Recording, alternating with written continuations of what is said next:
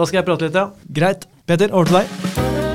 Sans og samling, sans og samling, sans og samling, sans og samling. Sans og samling, sier du? Er du ikke spent på å høre hvordan dette er? Ja, jeg er kjempe... Hvordan gjorde du det? Sans og samling. Velkommen til en ny episode av podkasten Sans og samling. Mitt navn er Peter Bøttinger, og jeg sitter her i studio som vanlig med Eivind Thorsen. Takk. Kom det ikke noe introduksjon?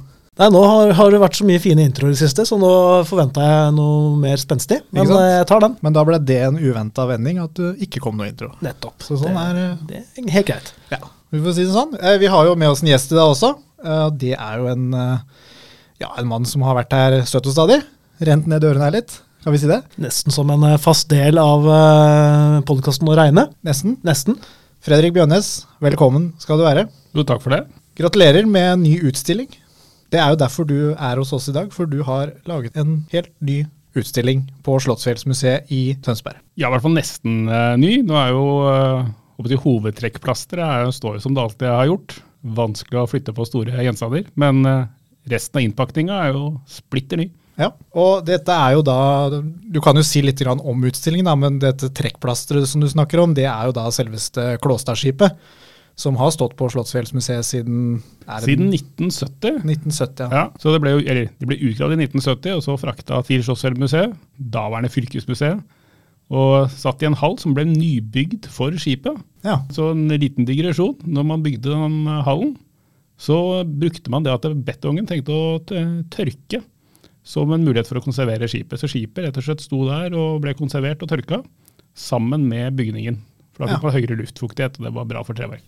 Yes. Så det gikk litt hånd i hånd, da, bygget og, og, skipet? Det gikk litt hånd i hånd. Det å bygge en ny utstilling det er jo en uh, krevende prosess, har jeg hørt. Jeg har ikke bygd noen utstilling selv. Det er litt jobb uh, noen ganger. Det er litt jobb, jeg tenker meg. Uh, hvordan føler du arbeidet har gått? For du har jo holdt på en stund nå? Ja, vi begynte jo for et års tid siden. Og så er var litt på slutten av pandemien og ting var litt sånn halvveis. Men så er det jo en lang prosess. Man skal, uh, først må man komme opp med en idé. Så må man, uh, man fått ideen, så må man på en måte begynne å konkretisere den litt. Finne ut uh, de praktiske tingene. Det er jo budsjetthensyn og anbudskonkurranser, alle disse spennende tingene vi gjør her i det offentlige. Mm. Og så begynner man med det som er morsomt. da. det er jo det å skrive tekster. Velge ut tematikken. Så det har jeg jo brukt mye tid på å sitte og finne ut hva er det vi vil ha fokus på. Skrive gode tekster, kna dem, skrive dem om på nytt. Eh, når du har gjort det en sånn ti-tolv ganger, som det fort blir, for hver gang du gjør en justering ett sted, så må du justere et annet sted. Men Hva er det dere ønsker å få fram i den nye utstillingen her, da, kontra det som var i den gamle? Ja, og det, Dette er morsomt. Fordi når du bygger en utstilling, så har man jo en idé. Så ideen er Klåstadskipet, Norges, Norges fjerde vikingskip. Det eh, er bare fire bevarte skip. Tre av dem, som da står i Oslo, er jo da ikke tilgjengelig fram til i hvert fall 2026 pga. nytt eh, vikingmuseum. Så da hadde vi en mulighet. Vi vil vise frem løfte fram dette skipet. Altså, Skipet i seg selv er kanskje ikke så spennende for veldig mange. For det er jo bare del av et skip som er, er bevart. Men dette er et handelsskip.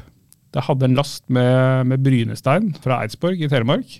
Da tenker vi ok, kan vi si noe om handel?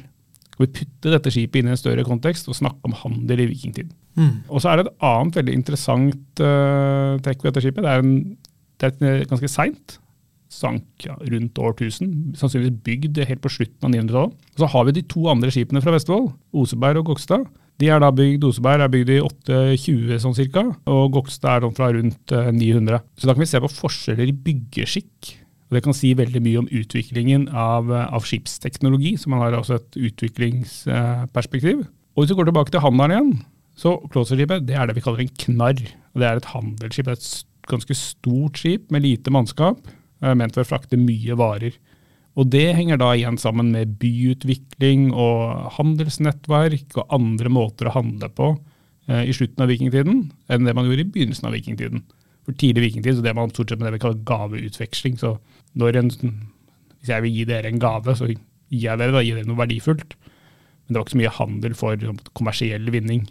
Eh, men utover i sein vikingtid, og selvfølgelig videre i middelalderen, så er det den kommersielle ideen som slår an. Og da trenger man solide lasteskip som kan frakte masse last billigst mulig. Litt som i dag. Så det var stor forskjell på et handelsskip og et krigsskip f.eks.? Ja, handelsskip de er gjerne litt eh, kortere. De er breie, høy rastekapasitet, lite mannskap. Det skal være billigst mulig, minst mulig mannskap å betale for mest mulig last. Krigsskip derimot, så lange som mulig, veldig raske. Drives fram både med årer og seil. Eh, Noen av de største har kanskje et mannskap på over 100 mann. Du har bl.a. et skip fra Roskilde som er over 30 meter langt. For du sier eh, både årer og seil på krigsskip. Eh, Klåstadskipet har da Det har i utgangspunktet kun seil, men så har det mulighet for å bruke årer. Men det er bare for manøvrering inn i trange farvann. Ja. Det er altfor tungt og har for lite mannskap til at du kan ro det fra sted til sted. Riktig. Det der med vikingskipet i Roskilde, du har jo vært, eh, som Peter sa innledningsvis, vært gjest her eh, flere ganger. Var det, det bare demrer litt. Var det det de fant tilfeldig der hvor de skulle lage et vikingmuseum? Og så er fant de det? Ja, Det er helt riktig. Stemmer det. De skulle utvide eller bygge nytt museum, og så da fant de plutselig vikingskip. det er flaks. Det må jo være det beste Ja. Hvis vi skulle bygge nytt museum, og så plutselig fant vi et svært funn, det hadde jo vært strålende. Ja, ja. Da har du jo noe å bygge museet rundt. jeg på å si. Du kan jo ha hovedutstillinga. Ikke sant? Ja, det var sånn her, når du ansetter fetter Anton til å bygge nytt eh, museum. Så får du inventaret på kjøpet, holdt jeg på å si. Men hva, hva er det som gjør Klåstadskipet så spennende? Altså, du har jo vært litt inne på det i forhold til at det er et seinere skip enn eh, da Gokstad og, og Oseberg. Og at det er et, eh, et handelsskip. Men hvorfor, eh, hvorfor er det så ekstra spennende? Det er det eneste skipet i, i Norge som er et handelsskip. Alle andre, de andre bevarte skipene, da, altså Oseberg, Gokstad og Tune, det er jo gravfunn. Og det er jo klart det er et skip som er dratt opp på land, det er putta i, en- i en grav fylt med gravgods. Det er jo snakk om skip for eliten.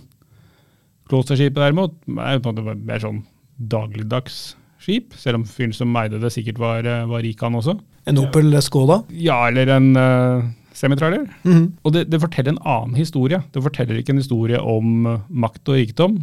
Altså Brynestein, det var viktig, men det er jo ikke, en enkelt stein er jo ikke kjempeverdifull. Det er ikke det mest glamorøse, kanskje, Ja. heller, å drive med. Nei, absolutt ikke. Og så er det jo noe med at uh, som sagt, Norges eneste, eneste handelsskip, nå er det riktignok et av skipene fra, fra Skullerlev som er utstilt i Roskilde, er en norsk narr, det også. Eller i hvert fall bygd i Norge. Men uh, det er det eneste vi har. Og så er det noe med Jeg var inne på den teknologiske utviklingen. For i Osebergskipet så er uh, spantene, altså det er dette på de ribbeina inni, inni skipet, eh, det er festa til bordgangene, altså selve huden på, på skipet med, med hvalbarder. Så det er rødt sydd sammen. Og det er også noe vi ser på, på eldre skip. Eh, Hjortspringbåten f.eks. Det er også sydd sammen. Gokstad er også sydd, men da er det brukt granrøtter. Og så kommer vi til Klåstad, og da er det brukt treplugger. Og Det er noe man også gjør videre utover i middelalderen. Så da ser vi kanskje begynnelsen på en ny type teknologi. Men vi ser at de har vært litt forsiktige, så de har bare festa annenhver bordgang til hvert spant. Litt sånn hybrid. Ja, eller man har, man har kanskje vært litt redde for å lage for mange hull i skroget. Kanskje man ikke har stolt helt på at man klarte å få det tett, et eller annet sånt noe. Så dette er kanskje i en sånn eh, tidlig overgangsfase. Og det er også interessant med Oseberg, for Oseberg det er jo da det eldste seilskipet vi kjenner til i Skandinavia. Selv om det var nok ikke det første. Man hadde nok seilskip før det. Men der også ser vi sånn starten av bruken av seilet. Mens man på Klåstad har man gått helt over til bruk av seil. Så det er årene helt ute. Altså Klåstadskipet, når det ble bygd eh, da på 900-tallet, så var det topp moderne av dagens teknologi. Når det ble, på slutten av 900-tallet, Slutten av helt opp mot 1000-tallet. Eh, og da var nok det topp moderne. Men Fredrik, når er det denne utstillingen eh, åpner? Nei, Det er 24. mars. Det er 24. mars, ja. Og nå har du jo sagt litt om uh, litt nye perspektiver og sånne ting, men publikum som da kanskje har sett den gamle utstillinga, er det noe nytt sånn i, i, i formen uh, som er uh, annerledes også, eller? Utover dette her med de nye perspektivene som du snakka om? Ja, altså en ting de får være med på, det er en handelsreise. Så de går tilbake til vikingtiden, og så må de velge seg varer de vil ha med seg på reisen. Og så må de dra ut i verden, og da de, får de litt hjelp. Det kan være ikke alle vet hvor de beste salgspunktene er. Så de har et europakart som hjelper dem, så de kan velge seg hvor de vil dra og hvilke varer de vil ha med tilbake. Og så har vi også litt fokus på eksperimentell arkeologi og rekonstruksjoner. Litt på hvordan vi får, får den kunnskapen vi har. da. Vi prøver å sette dette inn i en, en større sammenheng. Ja, for dette med eksporten av brynestein, det har man jo funnet altså, rundt omkring andre steder i Europa. Kan du si litt om denne brynesteinen? Vi, vi kan jo starte, Det kan jo være noen lytter lyttere ikke vet helt hva brynesteiner er. Ja, det må vi ta høyde for. Ja. Hvis du skal slipe opp en, eh, en øks eller kniv, så trenger du et bryne. Og uh, I dag så er jo det gjerne sånn ferdigstøpte greier du får på butikken.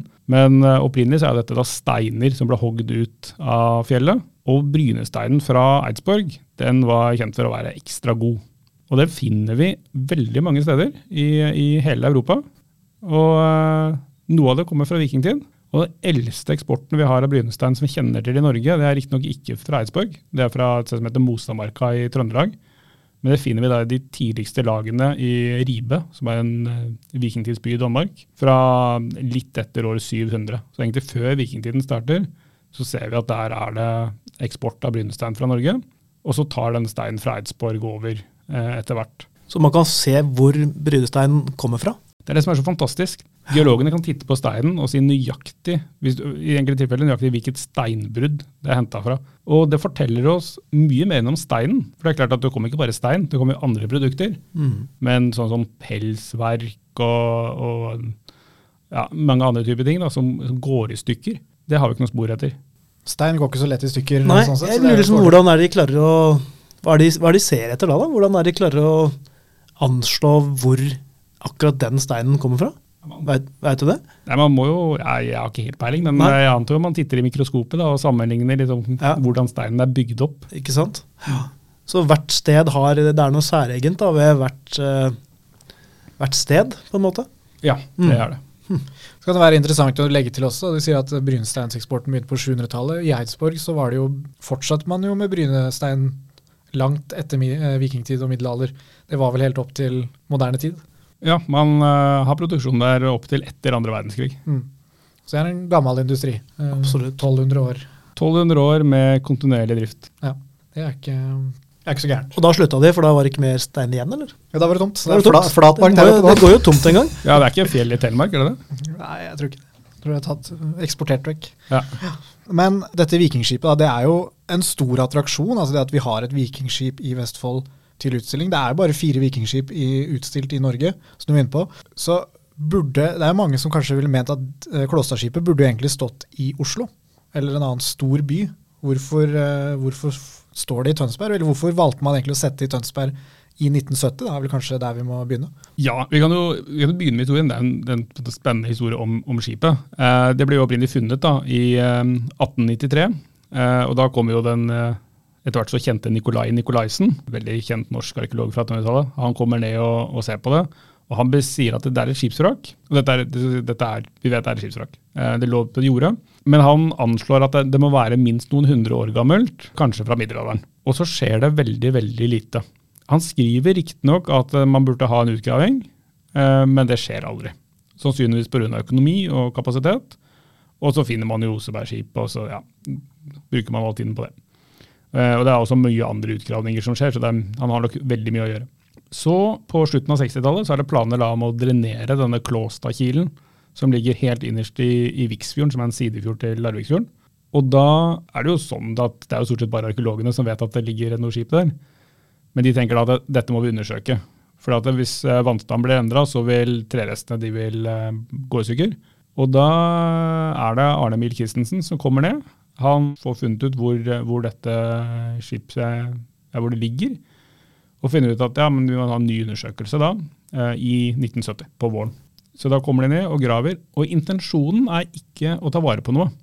For de tror at skipet er i så dårlig stand at her er det bare å registrere. Men så viser det seg da etter hvert som de begynner å grave, at det skipet er jo i mye bedre stand enn eh, Arne Emil trodde, og det Nikolaisen har beskrevet. Det skal sies, det er noen hint i historien til at det var litt mer bevart. fordi han bonden som holdt til der, etter det opprinnelige funnet, så står det at eh, det ble brukt som, eh, blant annet som dansegulv, og han tok betalt for at folk skulle se på det og sånt noe. Ja. Så han Så- hadde en mistanke, kanskje, da, at det var et eller annet Det, eh, det kan jo være at man hadde en Ja. mistanke om at det var noe der, ja. men man tenkte vel at eh, også pga. det så var dette veldig, veldig ødelagt. Eh, Men så ser de at nei, dette er såpass mye at her må det bevares. Og så er spørsmålet hva gjør man med det. Så det blir satt i gang en, eh, en innsamling eh, for å få penger til å fullføre utgravingen og ta vare på det. Og så sier da daværende fylkesmuseet i, Tønsberg, som nå er Slottsfjellmuseet, at eh, de ønsker å stille det ut. Og så blir da delene frakta til Tønsberg og, og konservert her. Og derfor ender det egentlig opp i Tønsberg. Ja. Så det var rett og slett fordi da Vestfold fylkesmuseum ville, sa de ville ha det. Vi kan ta det. Ja, Ja. rett og slett. Så det var da altså Vikingskipsmuseet i Oslo, da, de hadde ikke kanskje kapasitet, eller vet man noe om Det har jeg faktisk ikke undersøkt, men uh, nå har jeg jo vært en del ganger på det museet, da, og de har jo ikke plass. Nei. Tror du det ville skjedd i dag, forresten, hvis eh, man hadde funnet Klossaskipet i dag? Som vikingtid kanskje er enda mer liksom, hva skal jeg si, hipt tema, alt jeg ja. vil si, at det er mer i vinden. Mm. hipt var ikke kanskje riktig. Populært Populært er jo et mer vanlig ord. i kulturen. Tror du altså, at uh, et vikingskip funnet nå da, ville blitt satt på et sånt regionalt museum? Åh, det er et godt spørsmål. Eh, jeg tror jo egentlig det. Man ser jo hvor mye debatt det har vært rundt det nye museet i Oslo, spesielt rundt uh, finansieringa. Og det er klart at det å, det å samle alt ett sted uh, er jo noe som ofte møter litt motstand. Man er jo ofte interessert i å bygge ut litt ute i provinsene. Mm. Og eh, det er nok lettere å skaffe, sånn som i Vestfold, da, med så mye vikingsatsing, så har det nok vært lettere å skaffe finansiering til et uh, passende bygg.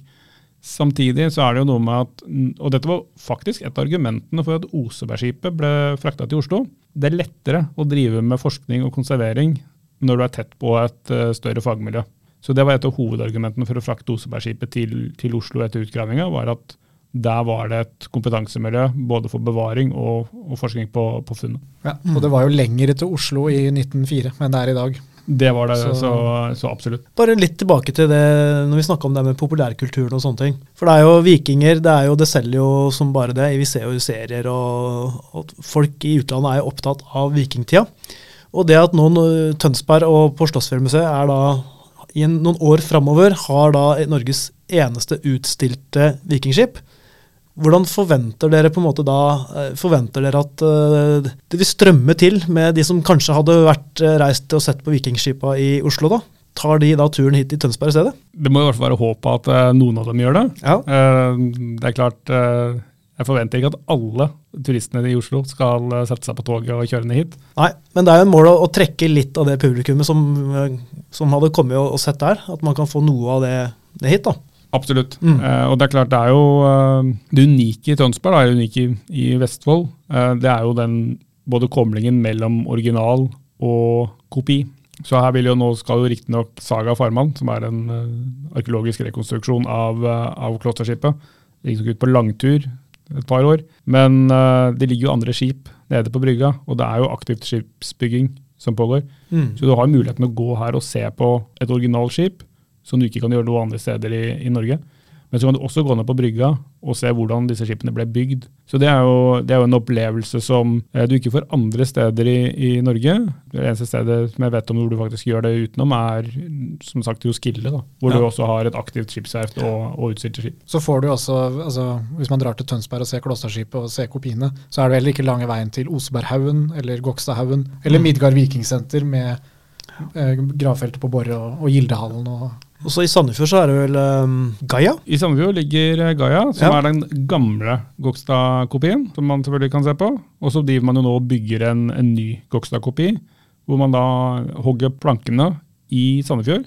Og så frakter man dem med Gaia til Tønsberg, eh, hvor man bygger selve skipet. Ja. Men sa du at uh, den kopien av Klåstadskipet, som normalt er i, i Tønsberg, at den skulle på et langt tokt? Var det det du nevnte akkurat nå? Den skal på langt tokt. Det må du fortelle litt om. Ja, de skal, i hvert fall etter planen, vi ser hvordan det går, så skal de seile ned til uh, Tyrkia. Seile da på elvene gjennom Europa, hele veien ned. Og så skal de da tilbake gjennom Middelhavet, så de blir vel borte et, i hvert fall et par år. Og hvem er som er mannskapet uh, på en sånn ekspedisjon, da? Nei, det er jo alle mulige folk som er interessert i å, i å være med, det. Ja. Men du har et par år ledig, da. eh, Man kunne vel melde seg på etapper. Ja, For jeg er husker no, de Før pandemien så var det jo planer om dette her, og Det var jo før krigen i Ukraina også. Da var det vel planen å seile gjennom Russland. man skulle opprinnelig seile Volga, og så måtte man gjøre litt om på det. Og da har de jo Jeg vet ikke om de tar imot folk eh, fortsatt, ja, men eh, de har i hvert fall utlyst behov for mannskap, da hvor du kunne melde deg på signe opp for to ukers etapper. Ja, må du kjenne din besøkelsestid der, Eivind. Det er bare å Her er det bare å kaste seg rundt kaste seg rundt. ja. Ta med deg en åre og og møte opp. møte opp. Ja, ikke glem sverdet. Nei, og Nei, godt, godt humør. Godt det, humør. det, Det Ja, er, det er det viktigste. Det er det er viktigste. Skal du være med på det her, så må du ha godt humør. For det var vikingene kjent for, Fredrik? var det ikke det? Godt, ja, godt ja. humør. De hadde godt humør. Ja. Ut på tur, aldri sur. Det kommer vel derfra. Nei, øh, det blir mye fjas her. Jeg tenker, øh, Hva ønsker du som har lagd denne utstillingen, hva du vil at folk skal sitte igjen med når de kommer ut etter å ha vært øh, i den nye Klåstad-utstillingen? Altså For det første så vil jeg jo at, eh, at folk faktisk skal vite om Klosterskipet. For det har vært en, eh, en jeg, ikke kanskje en godt bevart hemmelighet, men det har vært en liten hemmelighet. Eh, for jeg tror ikke folk i Vestfold har hatt et veldig bevisst forhold til at de har et vikingskip utstilt i Tønsberg. Det andre er jo nettopp å skjønne dette med handel og handelens betydning. Eh, I populærkulturen så blir jo ofte vikingen fremstilt som eh, eh, barsk og krigersk og en som er ute og plyndrer. Og det er klart, det er en del av, av historien. Det er litt sånn endimensjonalt fremstilt. At det er de der eh, krigerne som er ute og raner klostre og sånne ting. Ja. Ja, og så er det litt av utfordringen med det, er at handel har kanskje mer betydning. Eh, hvis man tenker sånne type ting som etablering av de første byene i Skandinavia, eh, sentralisering av makten, eh, det som etter hvert blir statsdannelser. Og der har nok handel en, en større betydning. Så det er viktig at vi også har med det bildet, uten at vi selvfølgelig skal glemme alle de andre aspektene. Ja, og der er jo Vestfold spesielt for norgeshistorien som da et knutepunkt. Og det sier kanskje utstillingen litt om, eller? Altså hvordan Vestfold hva, hva skal jeg si, fungerte som et handelsknutepunkt? Ja, Vi snakker vel ikke veldig mye om det, men vi, har, vi er litt inne på bl.a. Kaupang, eh, som jo har blitt omtalt som Norges første by. Vi vet at det er flere andre handelsplasser også. Og så, Vi har jo vært litt inne på, på Oseberg. Og det er klart Disse to kvinnene fra Oseberg, som begge var elitekvinner, de kan godt ha vært involvert i handel. Eh, For Vi tror det at høystatus kvinner de var en slags bedriftsledere som der styrte bl.a. tekstilproduksjon. Så der får vi også et, et annet aspekt inn, som er noe annet enn dette krigerske, populærkulturelle bildet. Mm. Nettopp, altså kvinnelige bedriftsledere som, eh, som driver med handelsvirksomhet. Ja, for det, jeg tenker jo det med handel er jo en mye tryggere måte å, å drive på. Altså plyndring ja, Det var, var jo en viss risiko involvert, uansett hvor barske vikingene var. Altså hvis du skal ty til våpen og rane noen, så er det jo alltid en fare for skader og dødsfall, for å si det på den måten. da. Men det er litt det er interessant det du sier om kvinnene der. At, hvis, at de allerede i vikingtida var eh, Kan du kalle det litt sånn forut for sin tid, eller? At de styrte Hadde viktige posisjoner. Eh, Det er det kanskje mange som ikke kjenner til i det hele tatt. Nei, Det kan nok være, for det er, Mm. en, det er en historie som kanskje ikke alltid blir, eh, blir fortalt så ofte. da. Men Mm. vi har en del, altså vi, Det er vanskelig å vite helt sikkert, men vi har en del indikasjoner på at de nettopp hadde sånne typer roller. Og Det har de jo hatt seinere også, men det er bare i de skriftlige kildene så er det ikke nødvendigvis alltid det som kommer eh, mest fram. Nei. Nei, det er jo litt, handler litt om hva som blir, har blitt vektlagt av de som har skrevet historiene, for, sånn som sagaene f.eks. Og det var gjerne menn kanskje som skrev de, og ikke var var så opptatt av Jo, de var vel også veldig opptatt av å skrive om konflikter og Ja, altså dette er jo eh, politisk propaganda. Eh, og det er klart, eh, det står veldig lite om handel i sagaene. Så det handler mye om politikk, det handler mye om hvem som vinner hvilket slag, det er hva er årsaken til konflikter, og hvem nedstammer du fra. Og Det er jo kanskje et av hovedpoengene med, med disse verkene, er jo nettopp du skal legitimere makten din. Jeg husker fra er det Bjørn Farman, som det blir nevnt. Han var jo kanskje i Tønsberg, og det ble nevnt at han hadde skip på fart i andre land. Altså da handelsskip, da. Men det er vel det det står om det også. eh, At det er ikke noe mer snakk om hva han handler med. Nei, for det er ikke så interessant. Ikke? Det er bare, Man legger vekt til at han driver mye med handel, hvilket underforstått han har en del ressurser. Og så har man etablert det faktum, og så kan man snakke om de interessante tingene i sagaen eh, ut fra dems perspektiv, da, som handler om eh, hvem er han i slekt med, hva driver han på med, og de politiske uh, intrigene rundt, rundt dette her. Ja. Så kan heller dagens historikere da sitte og gremme seg over at ikke de kunne skrive litt mer om andre ting, da, kanskje. Hadde jo vært veldig fint med sånne lastelister og kvitteringer. Kvitteringer, og- Tollskjemaer og sånne ting. Ja, ting. tollskjemaer hadde vært Det hadde vært uh, en gullgruve. Men eh, nå er jo eh, Altså, utstillingen den er ferdig, eller i hvert fall ferdig laget. da. Det er vel alltid litt oppfølging rundt eh, en utstilling. Men hva skal du gjøre nå? Nei, eh, det nærmer seg jo sommeren, da, så kanskje jeg skal ta sommerferie. Ja, det høres ikke så dumt ut. Ja, Men, eh, Men eh, nei, før det, så eh, det er Akkurat nå jobber jeg mye med, med Midgard vikingfestival. Som vi arrangerer. Og så er det jo nye utstillingsprosjekter. Da Da begynner man jo hele denne prosessen på nytt. Man må jo alltid ha en utstilling eh, i produksjon, så eh, da er det å finne et eh, tema og et lokale og begynne å drodle ideer og skrive tekster og Ja, og så må jeg sikkert komme tilbake hit og fortelle om, om et nytt utstillingsprosjekt om ikke så lenge. Det håper vi at du, at du gjør, Fredrik. Ja, ja, ja. Nei, men dette har vært spennende eh, å lære mer om, uh, om Klåstadskipet. Og jeg gleder meg til å se den i utstillingen. Ja, helt jeg klart. Har en sånn, jeg har jo fast tilholdssted på Slottsfjellmuseet, men jeg har en sånn fast greie med meg sjøl at når det blir bygget utstillinger, så går jeg ikke inn. Oh ja, så du har ikke vært inne og kikka? Nei, jeg går ikke inn før det er helt ferdig, sånn at jeg kan se liksom når det er klart. Ja, Det så er bra. gøy, For da får man liksom se sånn som publikum ser det. ikke sant? Ja, Og her må jo, Vi har jo en ø, kommunikasjonsavdeling i Vestfoldmuseene. Og her må dette her at nå, vi, nå har vi en utstilling med Norges eneste utstilte vikingskip. Dette her må jo ut, uh, kommuniseres ut, sånn at folk kjenner sin besøkelsestid og møter opp og ser denne nye utstillinga. Dette må vi få til hele verden. Ja, selvfølgelig. Og så tenker jeg at Tønsberg er jo en sommerby, så uh, her kommer det til å være fullt av mennesker hele sommeren. Og det er ikke lange togturen fra Oslo heller. Og museet ligger rett ved togstasjonen, så her er det bare å Ja da. Og det er lett å fly til Torp fra, fra mange steder i utlandet og ta tog også direkte til Tønsberg. Og utstillingen heter Det fjerde vikingskipet. Det fjerde vikingskipet. Det fjerde vikingskipet. Det er en god tittel. Veldig bra. Fredrik, takk for at du kom. Jo, bare hyggelig. Vi høres igjen. Eivind, takk for at du kom. Jo, i like måte. Da runder vi av for i dag. Sans og samling er en podkast fra Vestfoldmuseene. Denne episoden er laget av Susann Melleby, Jon Anders Øyre Bjerve, Eivind Thorsen og jeg, Peter Bøttingen. Ønsker du å kontakte oss, send en e-post til kommunikasjon krøllalfa vestfoldmuseene.no. Sans og samling!